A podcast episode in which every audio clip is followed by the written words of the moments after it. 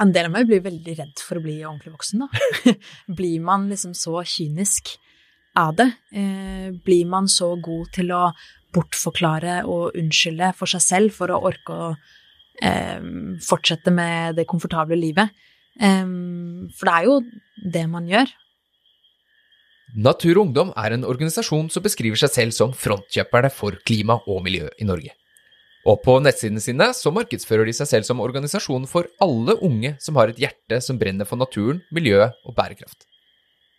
Men hvorfor bruker noen unge mennesker all sin tid på å kjempe for naturen? Og hvorfor bruker de til tider drastiske virkemidler som sivil ulydighet i kampen? De risikerer jo både å få bøter og bli arrestert i ung alder når de f.eks. lenker seg til gruveselskapenes gravemaskiner. Og én ting er jo å kanalisere sitt eget miljøengasjement og reaksjoner. Men hvordan er det egentlig å lede en miljøorganisasjon som består av unge, redde, engasjerte og frustrerte mennesker? Akkurat det kan dagens gjest alt om. Mitt navn er Joe. Du lytter til Regnskogpodden, og i dag får vi besøk av aktivist, kunstner og leder for Natur og Ungdom, Gina Gylver.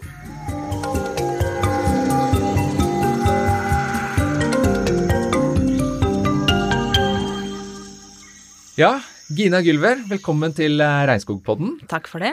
Ja, du er eh, leder i Natur og Ungdom. Det er vel kanskje ikke lov å kalle deg ny leder lenger? Nei, det har gått, eh, hva blir det, ti måneder nå? Ti måneder, ja. Um, hvordan er det egentlig å være leder for uh, Natur og Ungdom? Det er jo klart, Du har jo vært miljøengasjert lenge. Um, ettersom jeg skjønner, så har du vært bl.a.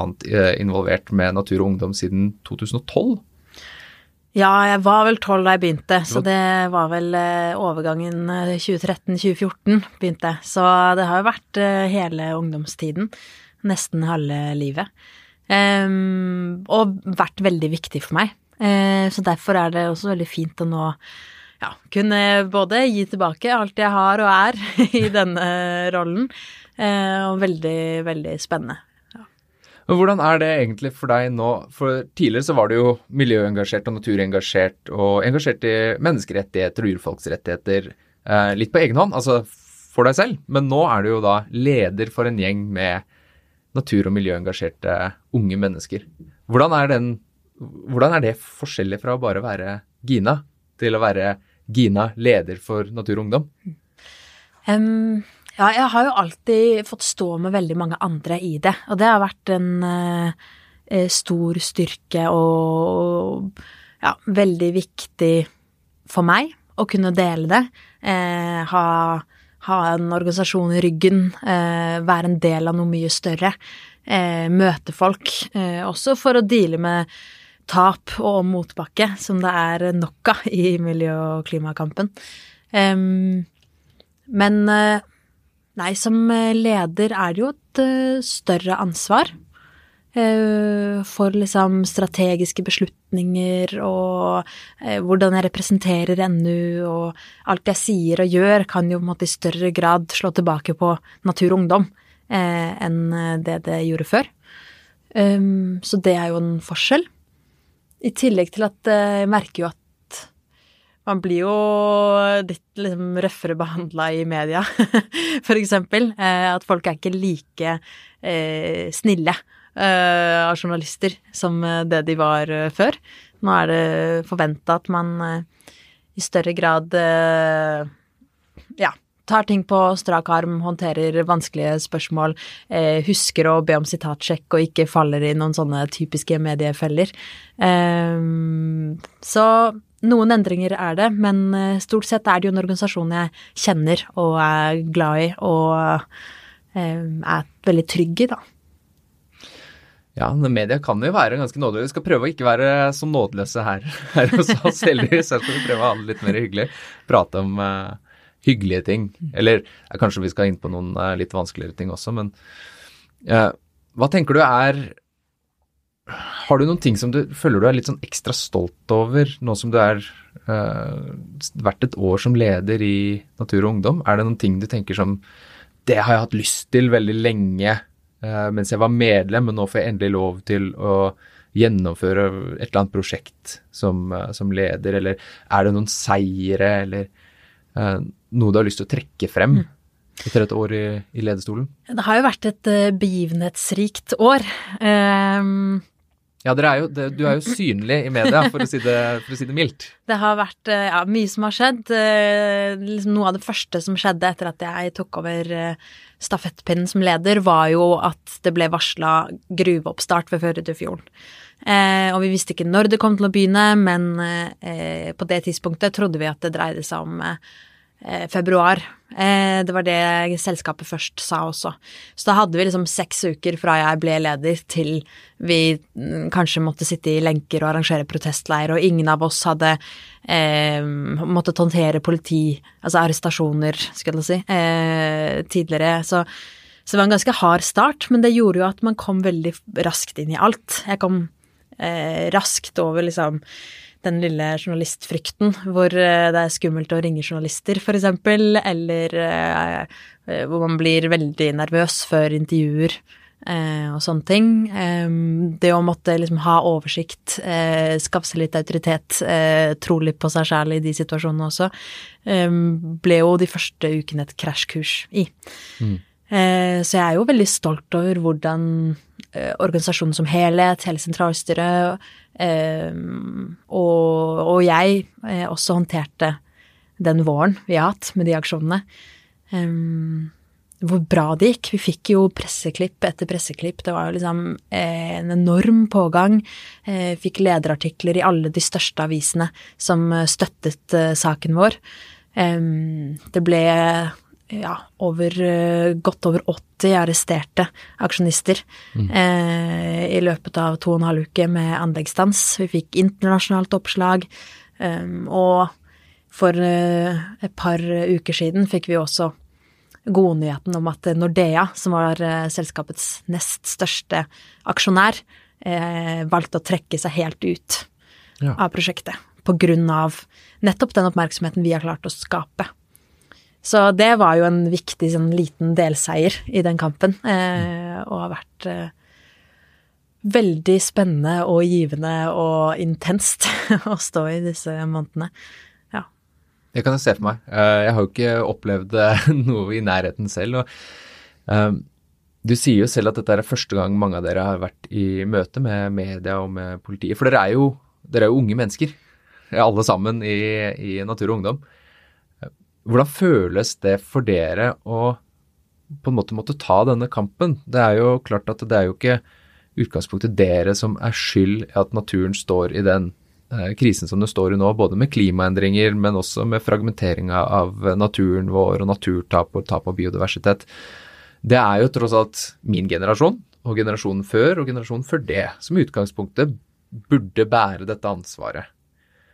Hvordan føles det for dere at dere da tross alt uh, møter fengselsstraffer, eller, eller potensielle fengselsstraffer, og, og, bøtelegges og må møte opp i retten som mm. unge mennesker. Du er jo bare i begynnelsen av, av 20-åra selv, uh, på, en måte akkurat, på en måte akkurat begynt voksenlivet. Mm. Nå har jo du tjuvstarta voksenlivet litt, med såpass mye ansvar mm. allerede. Ja. Nei, det er jo Jeg husker vi hadde en, en prat, en del av oss som skulle opp um, første, første, gang i vinter, og, og snakket om liksom vår personlige overbevisning, for det er et veldig viktig prinsipp for oss i, i Natur og Ungdom når vi aksjonerer sivilt ulydig, er at dette er også noe du gjør som enkeltindivid. Jeg lenket meg ikke som leder av Natur og Ungdom, det gjorde jeg liksom som Gina, enkeltindivid som er personlig moralsk overbevist om at dette er det riktige og viktige å gjøre. Mm. Um, og så var det, så vi snakket litt om hvorfor vi var villig til å gå så langt, da. Og da var det ei som sa at for henne kjennes dette som selvforsvar. For det er eh, det perspektivet man må ha med seg, særlig i møte med unge aktivister, som jeg føler mange ja, voksne da, ikke eh, ofte ikke forstår, er at for oss er dette en bit av en global naturkrise, eh, der vi nærmer oss noen livstruende vippepunkter eh, som fører til eh, ja, masseutryddelse av arter og, og, er en trussel mot selve livsgrunnlaget vårt. Så nei, det er ikke bare det er ikke bare én fjord, selv om den fjorden er viktig nok i seg selv, men det er en del av noe veldig, veldig mye større og tyngre og, og mer truende. Så at man går til det punktet og er villig til å la seg arrestere, sitte på glattcelle, eh, få bøter man virkelig ikke har eh, råd til. Um, det Ja, det kjennes iblant absolutt nødvendig. Um, ja, hva tenker du om at det er nødvendig? Altså, det burde jo ikke være det. Nei, det Så hva tenker du uh, Hva tenker du om de generasjonene som har gått for, foran deg, da, uh, og som har forårsaket disse tingene som dere nå da annet lenker dere fast for? Ja, det er jo uh, Man må jo tøyle litt eget sinne eh, og liksom bitterhet. Eh, for det vet man at eh, du når ikke så langt Du kommer liksom ikke frem med det. Eh, for det er ikke folk villige til å motta. En så, sterke følelser syns, folk det er lettere å bare skyve, skyve unna. Så ja, når jeg, når jeg tenker zoome litt ut eh, og lar meg selv eh, tenke på de alvorlige konsekvensene vi står overfor, og, og årsaken til det, som er en kynisk ansvarsfraskrivelse over tiår etter tiår av folk som selv har barn og barnebarn, eh, og vet hvem det er de overlater eh, denne situasjonen til, det Ja, jeg syns det er helt sinnssykt. Um, og, og jeg lurer sånn Iblant tenker jeg på om folk klarer å se seg selv i den situasjonen, forstå at det er dem det dreier seg om, da. At det er veldig lett å bare skyve det over på noen andre og eh, zoome så langt ut at en selv blir ubetydelig, og det er ikke mine handlinger eller mangel på sådan som er problematisk, men det er jo nettopp summen av alle dem. Eh, I tillegg til at noen åpenbart sitter med mer ansvar enn andre. Eh, så, så burde det jo skjedd et klimaopprør på 90-tallet, senest. Hvor man virkelig, virkelig eh, tok tak, eh, fikk eh, på plass rammeverket og lovverket og politikken som trengtes. Eh, den eh, nedadgående kurven på utslipp burde starta før jeg var født. Eh, men det gjorde den ikke, og det har den enda ikke gjort. Så ja, jeg lurer på om folk iblant tenker på deres ansvar i det, og om de synes at det gjør dem til dårligere mennesker. Ehm, for det tenker jo jeg at det gjør. Eh, virkelig. Eh, og, og også det å ikke handle, fordi det er ikke mulig å være nøytral i en så alvorlig, eh, akutt og altomfattende krise. Du bidrar positivt, eller du bidrar negativt. Mm. ja.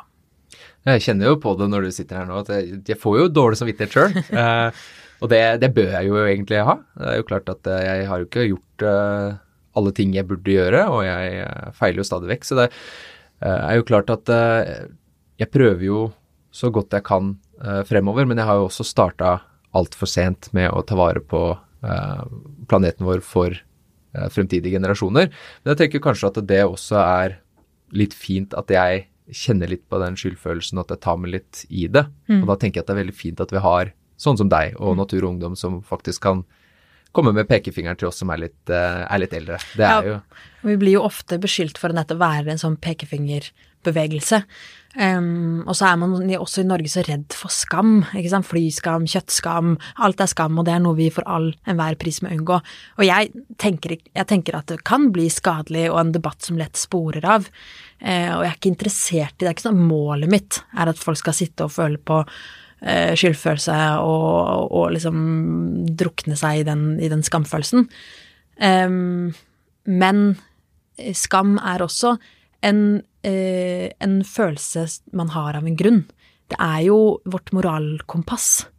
Eh, at du kjenner på skam er jo eh, Kan ofte være et tegn på at du nettopp burde gjøre noe annerledes. Eh, så jeg tror ikke heller vi skal bare avvise det som eh, noe woke-samfunnet på, påfører oss, og eh, noe vi absolutt bør kvitte oss med. For det, det har en, en funksjon, da, som jeg tenker vi ofte glemmer.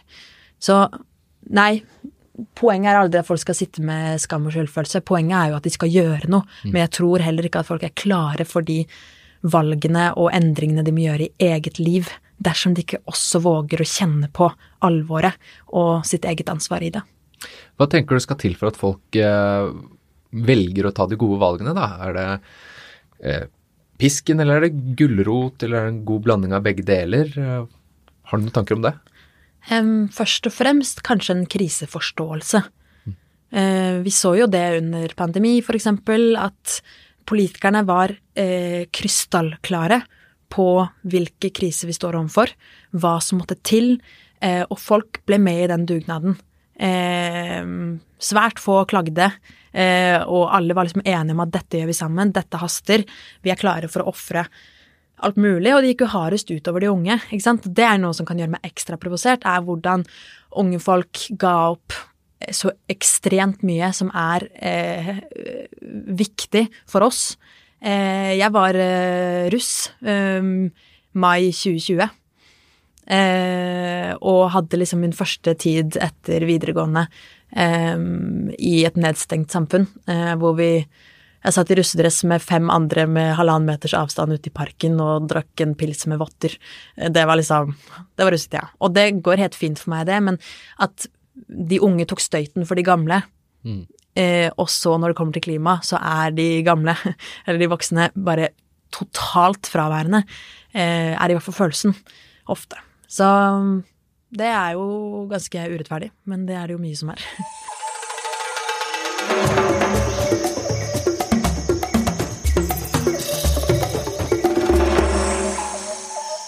Jeg regner med at du kanskje har fått høre det ganske mange ganger også, dette her med du er jo så ung, og du har ikke erfaring, og du, dette, du, dette, store bildet, det har du ikke forståelse for enda, og hva, hva, slags følelser er det som bobler i deg når, når du hører uh, Ja, min generasjon, jeg er jo så vidt passert 30, men det er jo uh, kanskje min generasjon og mitt kjønn som ofte kommer frem mm. og, og, utfordrer dere på, som er yngre, da, mm. på den måten.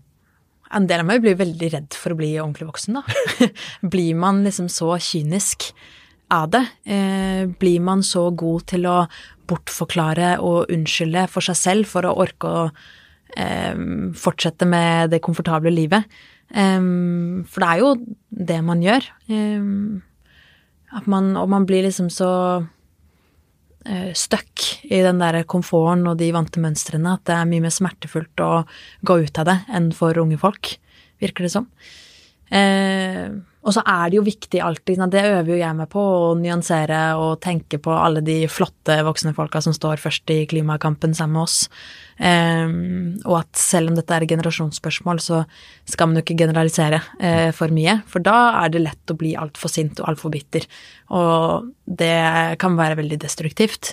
Um, og sammen når jeg liksom ja, er på møte med klima- og miljøministeren eller næringsministeren eller andre folk på Stortinget, at jeg kunne jo sittet der og vært så sint at jeg ikke orker å få frem en eneste stavelse. Fordi den politikken de fører og de valgene de tar, er så destruktive for min fremtid og eh, ja, det mitt liv, rett og slett. Men da må man også dessverre, eh, ta seg sammen, eh, være hyggelig. Fordi det er sånn man når frem. Eh, ja, det er eh, en vanskelig balanse. La seg være sint, men ikke la seg overvelde av det. Men føler du at du når frem da, når du er i samtale med politikere og uh, de som driver industri og de som er med da, og både, både de som driver det politiske arbeidet, men også de som faktisk er ute og um, styrer de industriene som er med på å uh, ødelegge naturen og legge, legge, myrer i rør og hugge regnskog og, og drive med, med, plantasjevirksomheter og sånt. Føler du at du når frem når du uh, prater med dem? Um, I stor grad, ja. Uh, og kanskje oftere nettopp ute i felt, hvis vi kan kalle det det. Um, og ja. Jeg pratet med eh, ei på en, på en, konferanse for noen uker siden, og hun eh, jobber i, ute, eh, offshore, på oljeplattform, eh, og har eh, vært veldig hatt et dilemma, da. Kan hun være klimaengasjert og jobbe offshore? Eh, og åpenbart kan man det. Jeg er veldig opptatt av å plassere ansvaret der det hører hjemme, og det er jo mm, mest på toppen og så mindre desto lenger ned du kommer.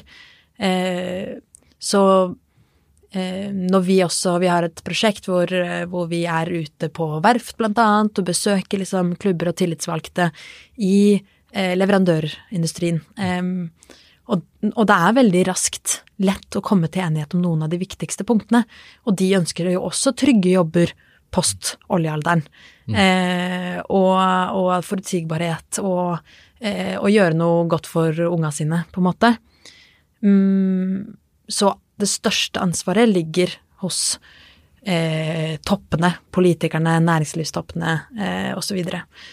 Um, og og man føler at nå er man når frem. Jeg vet ikke hvor mange ganger jeg har sittet med f.eks. klima- og miljøministeren og prata, eh, og følt at vi egentlig eh, er enige om mye, og så er jo bare det som kommer ut i enden som ferdigskrevet politikk, helt elendig. Mm. Og det er jo ja, utrolig eh, hvor mye det kan endres på veien.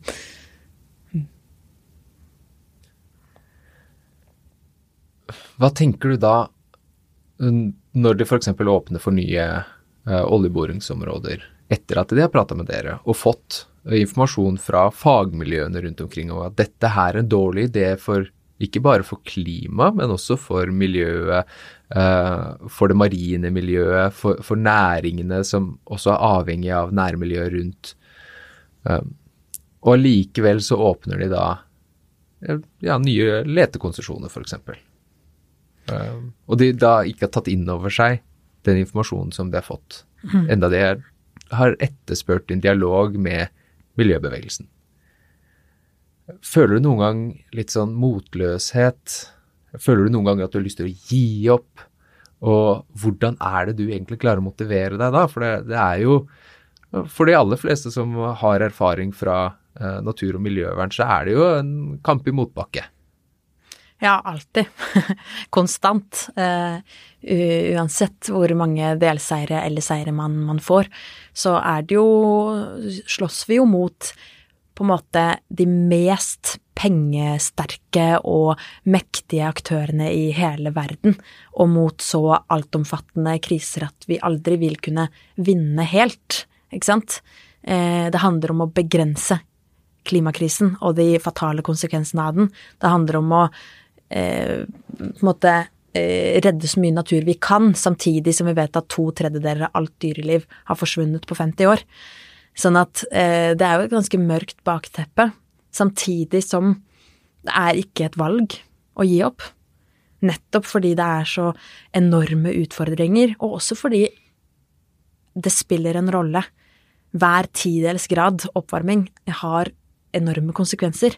Det er så stor forskjell på 1,5 og 1,8, eller 1,8 og 2,3. Og for oss så kan det bare virke som ja, noen desimaler og eh, på en måte ubetydeligheter, men realiteten er dette er liv eller død for millioner på millioner på millioner av mennesker og arter. Um, og at det kunne vært oss som satt der stuck i en flyktningleir eh, med tre sjuke unger og eh, på en måte ingen utsikter til et bedre liv. Eh, men så bor vi her mm. i Norge eh, og trenger ikke å forholde oss til 1,7 eller 1,8. Ehm, føler vi nå, da. Så vet vi at det vil ha enorme konsekvenser også for Norge. Og vi er jo ikke en eh, Vi lever jo ikke i en egen boble. Vi har ikke vår egen atmosfære. Vi, ikke, vi er ikke en øy eh, avkuttet fra resten av verden. Og når millioner, milliarder av mennesker må flytte på seg fordi området blir ubeboelige, åpenbart vil det påvirke Norge også. Hvis vi trodde det var en flyktningkrise i 2015, hva kommer det da til å være i 2070? Um, ehm, så ja, for å komme tilbake til spørsmålet, hvordan, hvordan motivere seg gjennom dette? Jo, for det første, jeg er så heldig at jeg er med i en organisasjon. Og det skjer gode ting overalt. Det er åpenbart ikke store nok fremskritt, men det er viktige seire. Vi verner skog og annen natur. Eh, vi får politisk gjennomslag. Eh, vi bedrer kollektivtilbud og eh, avfallshåndtering og får CO2-avgift og slankere motorveier. Alt dette her er også en positiv utvikling. Sånn at når man er med i en organisasjon og et nettverk, er det litt lettere å se alt det gode som skjer, og så ta eierskap til det. Jeg tenker at dette er mine seire, alt sammen. Selv om jeg ikke har vært med på så mye av det, og selv om det begynte før jeg ble født, så, så er jo dette mine seire. Um, I tillegg til at det er så mye flotte folk jeg jobber med. Og det å være med i en ungdomsorganisasjon, det er jo pluss også at du ser disse ja, 13-14-15 år gamle folka som begynner et lokallag. De vet ikke hva et lokallag er, de vet knapt hva Naturungdom er. Men de starter å kjøre på og møte politikere og skriver til lokalavisa og aksjonerer og, um, og får gjennomslag, da. Og det å også være med å kunne ja, bygge ressurspersoner og ungdom og gi dem eh, liksom samme ungdomstiden jeg hadde, da, som har vært så verdifull. Og å se deres engasjement er en enorm motivasjon i hverdagen. Det er så deilig her å sitte her nå, akkurat for at det engasjementet som kommer frem nå, det er, det er veldig ektefølt. det, det, er, eh, det, er, veldig godt å se at uh, selv om du jobber med ganske tunge temaer, at det engasjementet ditt fremdeles er der. Og som du sier, da, at det, uh, det bunner i alle disse som du jobber med også, og de store spørsmålene faktisk føles viktige og tunge, viktige å ta fatt på sammen. Uh, og her om dagen så pratet jeg med noen som fortalte meg at uh, datteren deres på, mener hun var 9-10 år gammel, hadde starta egen miljøklubb og hadde begynt å sette Post-It-lapper på bilene som sto på tomgang på morgenen og sånt. Mm. Uh, at viser litt det at uh, barn og, og, unge og ungdommers og unge voksnes engasjement er uh, veldig stort. og det engasjementet ditt, det må jo komme fra en plass. Nå er det jo klart at nå drives det jo av det arbeidet du gjør, og de menneskene du har rundt deg. Men hvor startet det? Altså, alle superhelter har jo sin origin story. Hvor er Gina sin origin story? Hvorfor er du så himla opptatt av det her? Eller egentlig ikke hvorfor er du, hvorfor ble du så veldig opptatt av natur og miljø? Ja, jeg, jeg eh, tror jo, eller jeg er jo heldig som har vokst opp i en familie der det var noe vi snakket om rundt middagsbordet. Um, at, eh, og ikke bare liksom urettferdighet generelt. Um, og klima. Vi hadde ikke bil, vi dro på interrail om somrene i stedet for å fly til Syden. Var eh, på en måte Diskuterte en del aktuelle nyheter og, og sånn. Og så det som var vendepunktet, var jo da hele familien flytta til Madagaskar da jeg var åtte, mm. og bodde i slummen i Antananarivo og gikk på den lokale skolen og, og var der et år.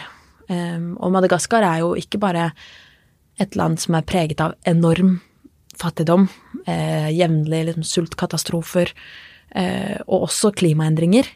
Men i tillegg et av landene i verden med aller mest fantastisk og storslagen natur. Eh, og regnskogen på Madagaskar er helt unik, og opptil 90 av alt som lever og gror der, er endemisk. Altså finnes bare på Madagaskar. Så å gå rundt i naturen der er helt, et helt eget univers. Og jeg tror jo den naturgleden, respekten for naturen, eh, var noe av det som, som, startet engasjementet mitt, og som har vært med meg veldig lenge. Så sånn sett var det jo regnskogen som, som startet det for min del. Og å se urettferdighet på kloss hold. Og kjenne det på kroppen, ikke mot oss, men rundt oss hver eneste dag. Um, og mamma trekker jo ofte frem det at eh, både jeg og brødrene mine har vært gjennom liksom, hjerteoperasjoner, og mange eh, bodde liksom på sykehus de første årene. Sånn at eh, takket være en norsk velferdsstat er vi i live og har det bra. Og hadde vi blitt født i gata vår i Andamamamba i Antananarivo, så hadde hun vært mor til tre døde unger. Mm. Sånn at det setter jo ting i perspektiv. Um, og så kom stortingsvalget i 2013, hvor uh, vi fikk et regjeringsskifte, og jeg opplevde at ingen snakket om klima og miljø. Og da hadde jeg blitt tolv og, og lest meg mye opp på liksom ja, forskning da, og hva det var som foregikk, og hadde en litt sånn eksistensiell krise, hvor jeg kjente det at ok, enten så er det jeg som har misforstått tallene og alvorlighetsgraden her, eller så har vi faktisk folkevalgte politikere, de som skal styre og lede oss, som bevisst fører oss mot stupet. Og det var veldig skummelt å innse at uh, sannheten er sistnevnte. Um, et uh, Ja, jeg tenker på det liksom en sånn uh, Når du opp, innser at julenissen ikke finnes øyeblikk. Um, eller at foreldrene dine ikke er ufeilbarlige. som også er ganske eksistensielt og skremmende. Så da kjente jeg at jeg måtte gjøre noe, hvis ingen andre gjorde det. Så hjalp mamma meg å finne Natur og Ungdom på nett. Og så gikk jeg til mitt første lokallagsmøte opp en vindeltrapp bak en kebabsjappe i en bakgård med masse rotter, og kom til en eller annen sånn eh, mørk, eh, tett kollektivleilighet eh, med 20 ungdommer som satt og spiste pizza og eh, diskuterte neste miljøproblem og neste aksjon, og ble helt frelst. Og der har jeg vært eh, siden. Du fant liksom din egen uh, natur-batcave uh, bak en kebabsjappe.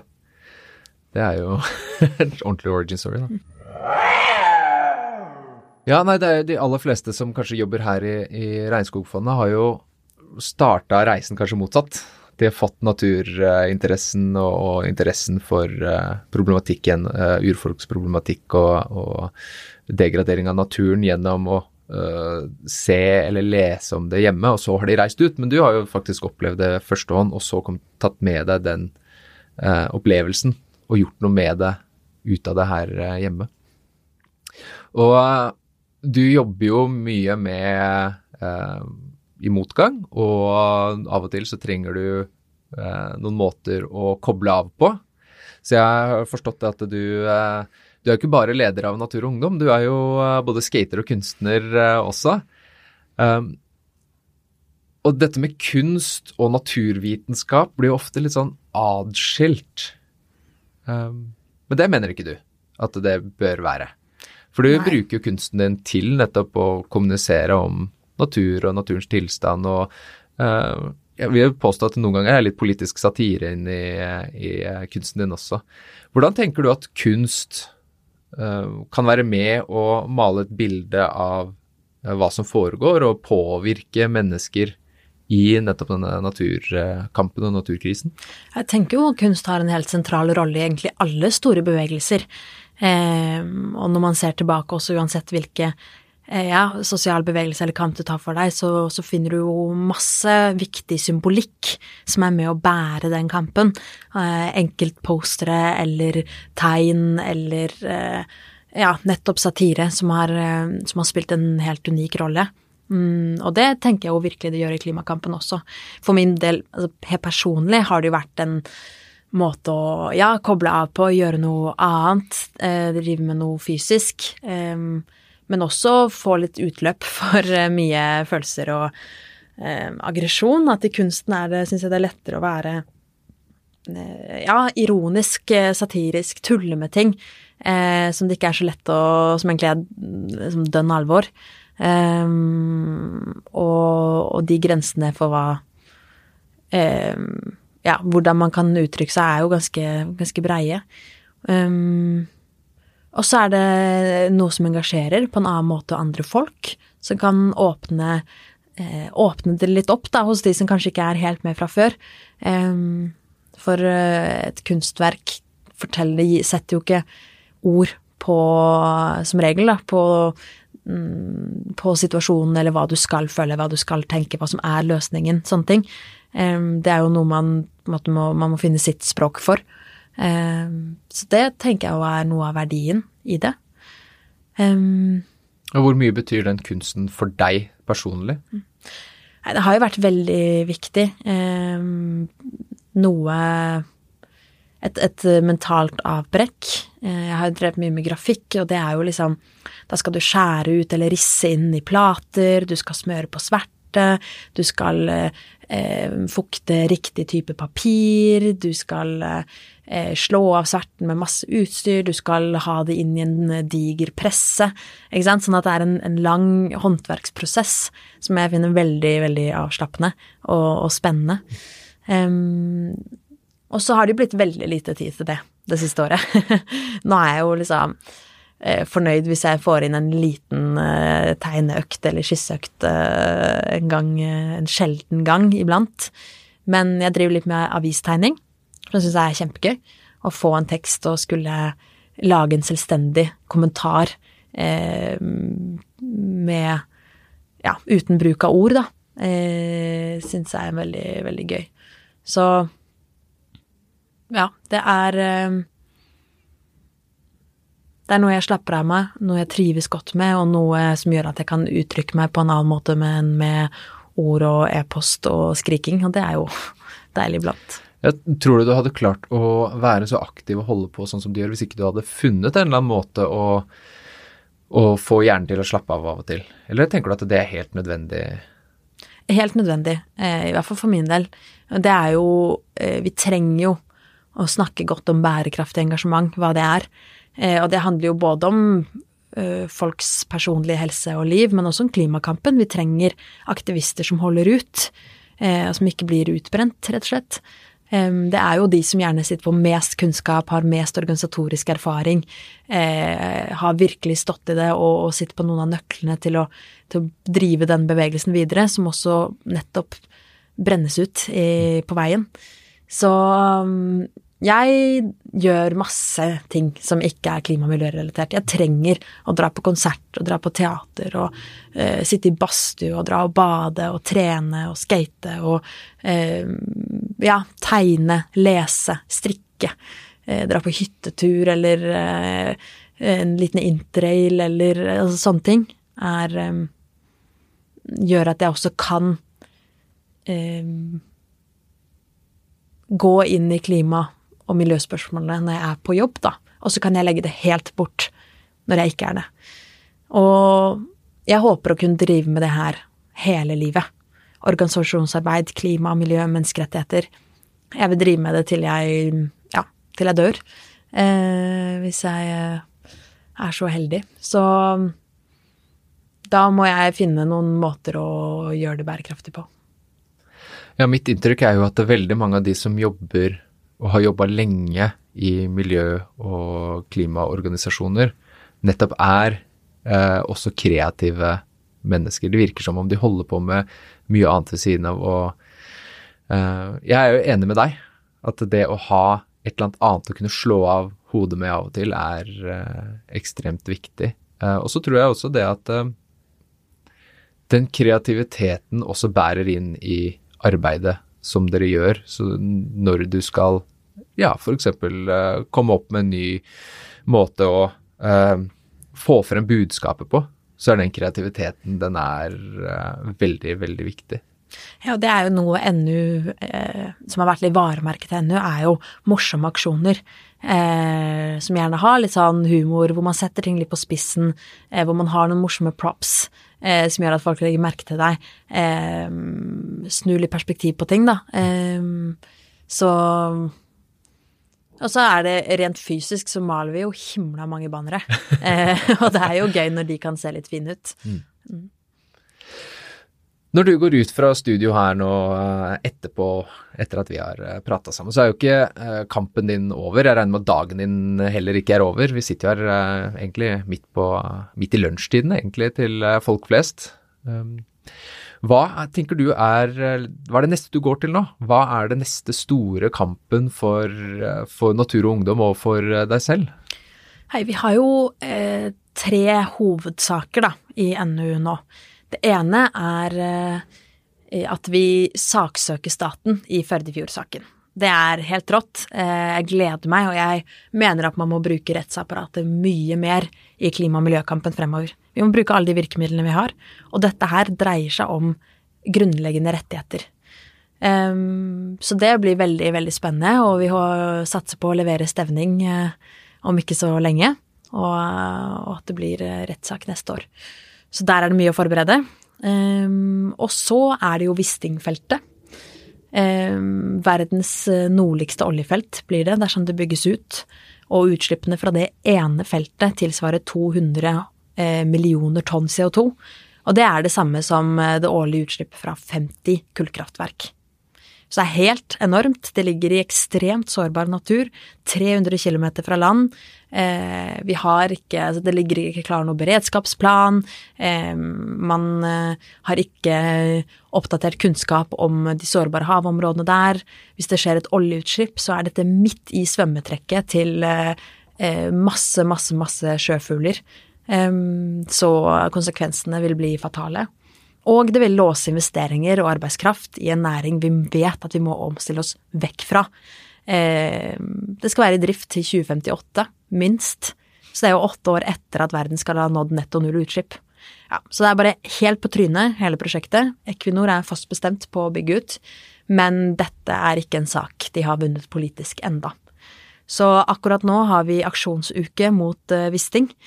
Eh, hvor det er aksjoner og fakkeltog og foredrag og bannemaling og vaffel mot Wisting-aksjoner og alt mulig over hele landet. Fra liksom Kristiansand til eh, Harstad og ja. Det er utrolig kult. Og noe jeg håper vi eh, En sak jeg håper og tror vi kan vinne, da. Så det blir veldig, veldig spennende å følge med på fremover. Um, og siste hovedsak nå, det er lakseoppdrett.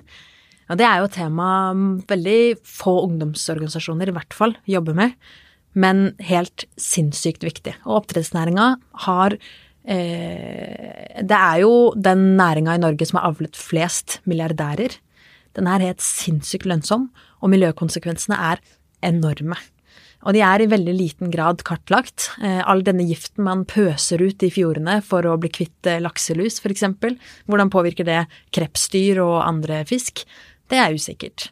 Fôret til denne fisken, ikke sant, soya fra Brasil, brenner ned masse, masse, masse regnskog for å fôre fisken, og transporterer det over hele jorda. I tillegg til at det norske oppdrettsselskapet gjør i utlandet, er eh, hårreisende.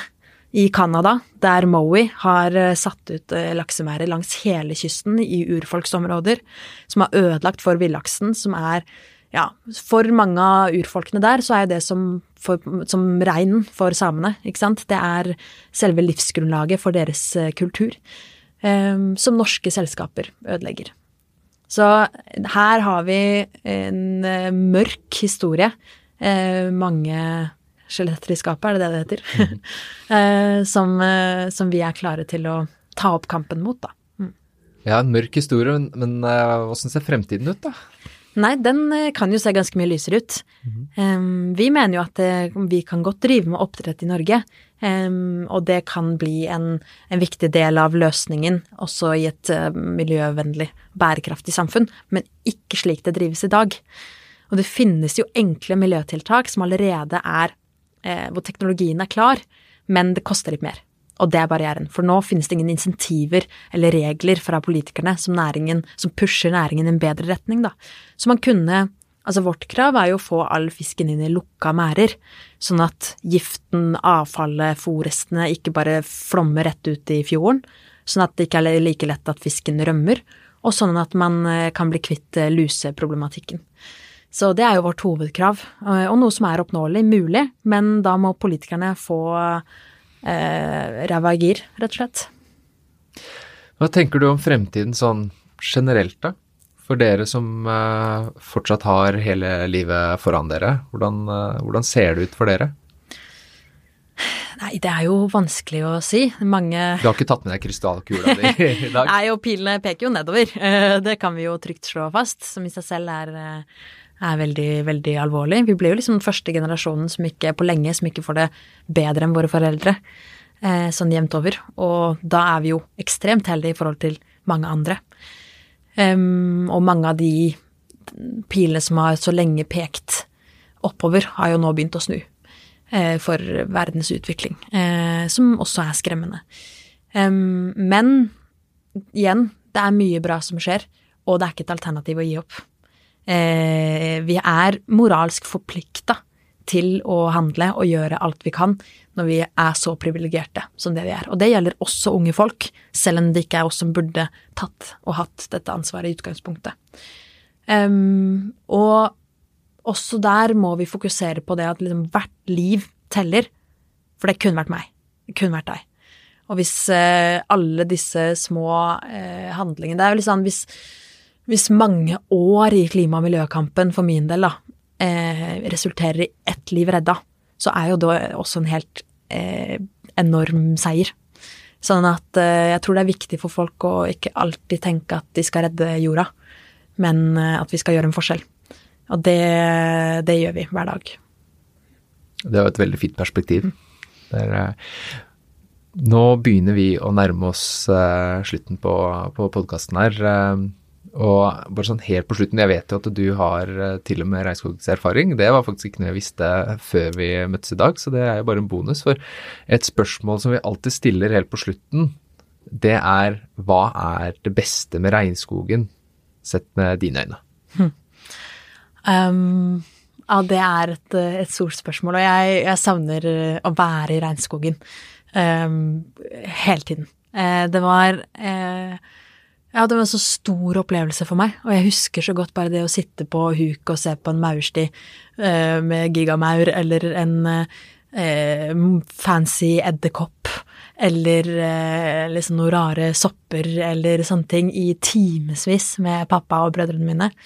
At det var eh, Ja, det gjorde så inntrykk. Lukke øynene og høre alle lydene, eller alle luktene i en sånn skog. Det er det er noe helt, helt unikt som man ikke kan oppleve noe annet sted. Um, så nei, hva det beste er, det er umulig å, å svare på. Det er jo hele, hele, opplevelsen av å være et sånt intakt økosystem eh, som er så komplekst og eh, fantastisk, um, og, og hvor alle det har liksom fått stå der uberørt så lenge, og alt er så Altså den symbiosen alt lever i, og hvordan hver minste art har eh, er så utrolig tilpasset. Så det er bare de rareste ting. Og samspill og uh, utseende og farger. Uh, ja. Så jeg gleder meg veldig, veldig til å komme tilbake. Når jeg er ferdig i NU, så håper jeg å komme rett til Amazonas på en eller annen måte. Så det til alle regnskogsfondlyttere, så ansett meg når jeg er ferdig ennå. Uh, ja, det, det, blir flott. Jeg hadde i hvert fall lagt inn en veldig god søknad, så må vi se hva de sier på HR. Du, eh, tusen, tusen takk for at du eh, kom. Og så vil jeg si en ekstra tusen, tusen takk for at du er på lag med naturen. Jeg er veldig glad for at ditt engasjement er på denne siden av naturkampen. Det kjennes veldig godt, og jeg er veldig glad for at du starta eh, mens du fremdeles er, var så ung, og at du har så mange år foran deg med, med å hjelpe oss med å få skikk på, på verden igjen. Det er vi veldig, veldig glad for. Så tusen, tusen takk for det. Takk for eh, invitasjonen og engasjementet i like måte. Jeg tror jo Altså, vi står jo på riktig side av historien, eh, og det må vi bare ikke glemme. Og så gleder jeg meg til alle seirene vi skal få, for dem blir det jo også en del av etter hvert, når man er her år etter år. det sies jo det at seierherrene skriver historien, så da får vi satse på at vi får skrive historie i framtida. Ja. Tusen takk igjen. Takk selv.